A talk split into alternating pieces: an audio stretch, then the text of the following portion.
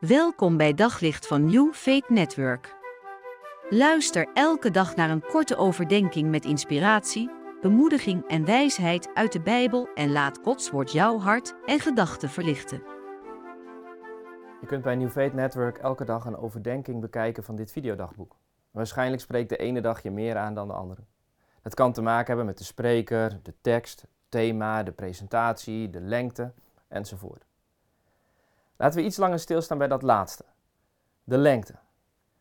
Een van de kortste overdenkingen die we in de Bijbel tegenkomen vind je in het Bijbelboek Jona. Het is een overdenking die gehouden wordt in de stad Nineveh. Heb je even? Dan lees ik de hele overdenking voor. Nog 40 dagen, dan wordt Nineveh weggevaagd. Dat was het. Ja. Nog 40 dagen, dan wordt Nineveh weggevaagd.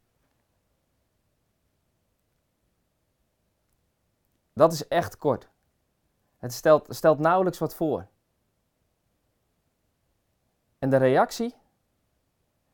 De reactie is, is overweldigend. De hele stad keert zich om naar God. Dit is een van, van de kleinste overdenkingen die bestaan met een van de grootste reacties.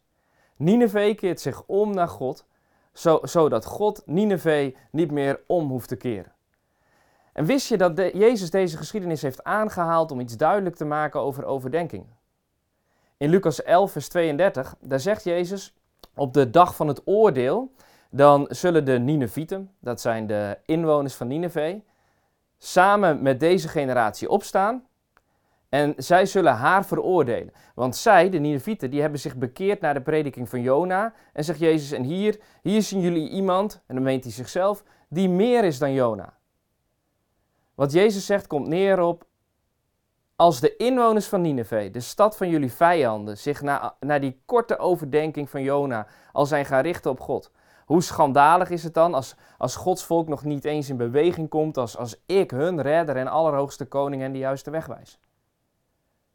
Het zou toch wat zijn als die inwoners van Nineveh op de dag dat Jezus terugkomt naar ons wijzen en tegen elkaar zeggen: Wij uh, kwamen meteen in beweging nadat Jona gezegd had dat de stad over 40 dagen zou worden omgekeerd. Wij knielden voor God en wij vroegen om zijn genade. Moet je hen zien. Zij hadden Jezus en hij bood hen genade aan, maar ze hebben het nooit aangenomen. Ze hebben geen stap richting God gedaan.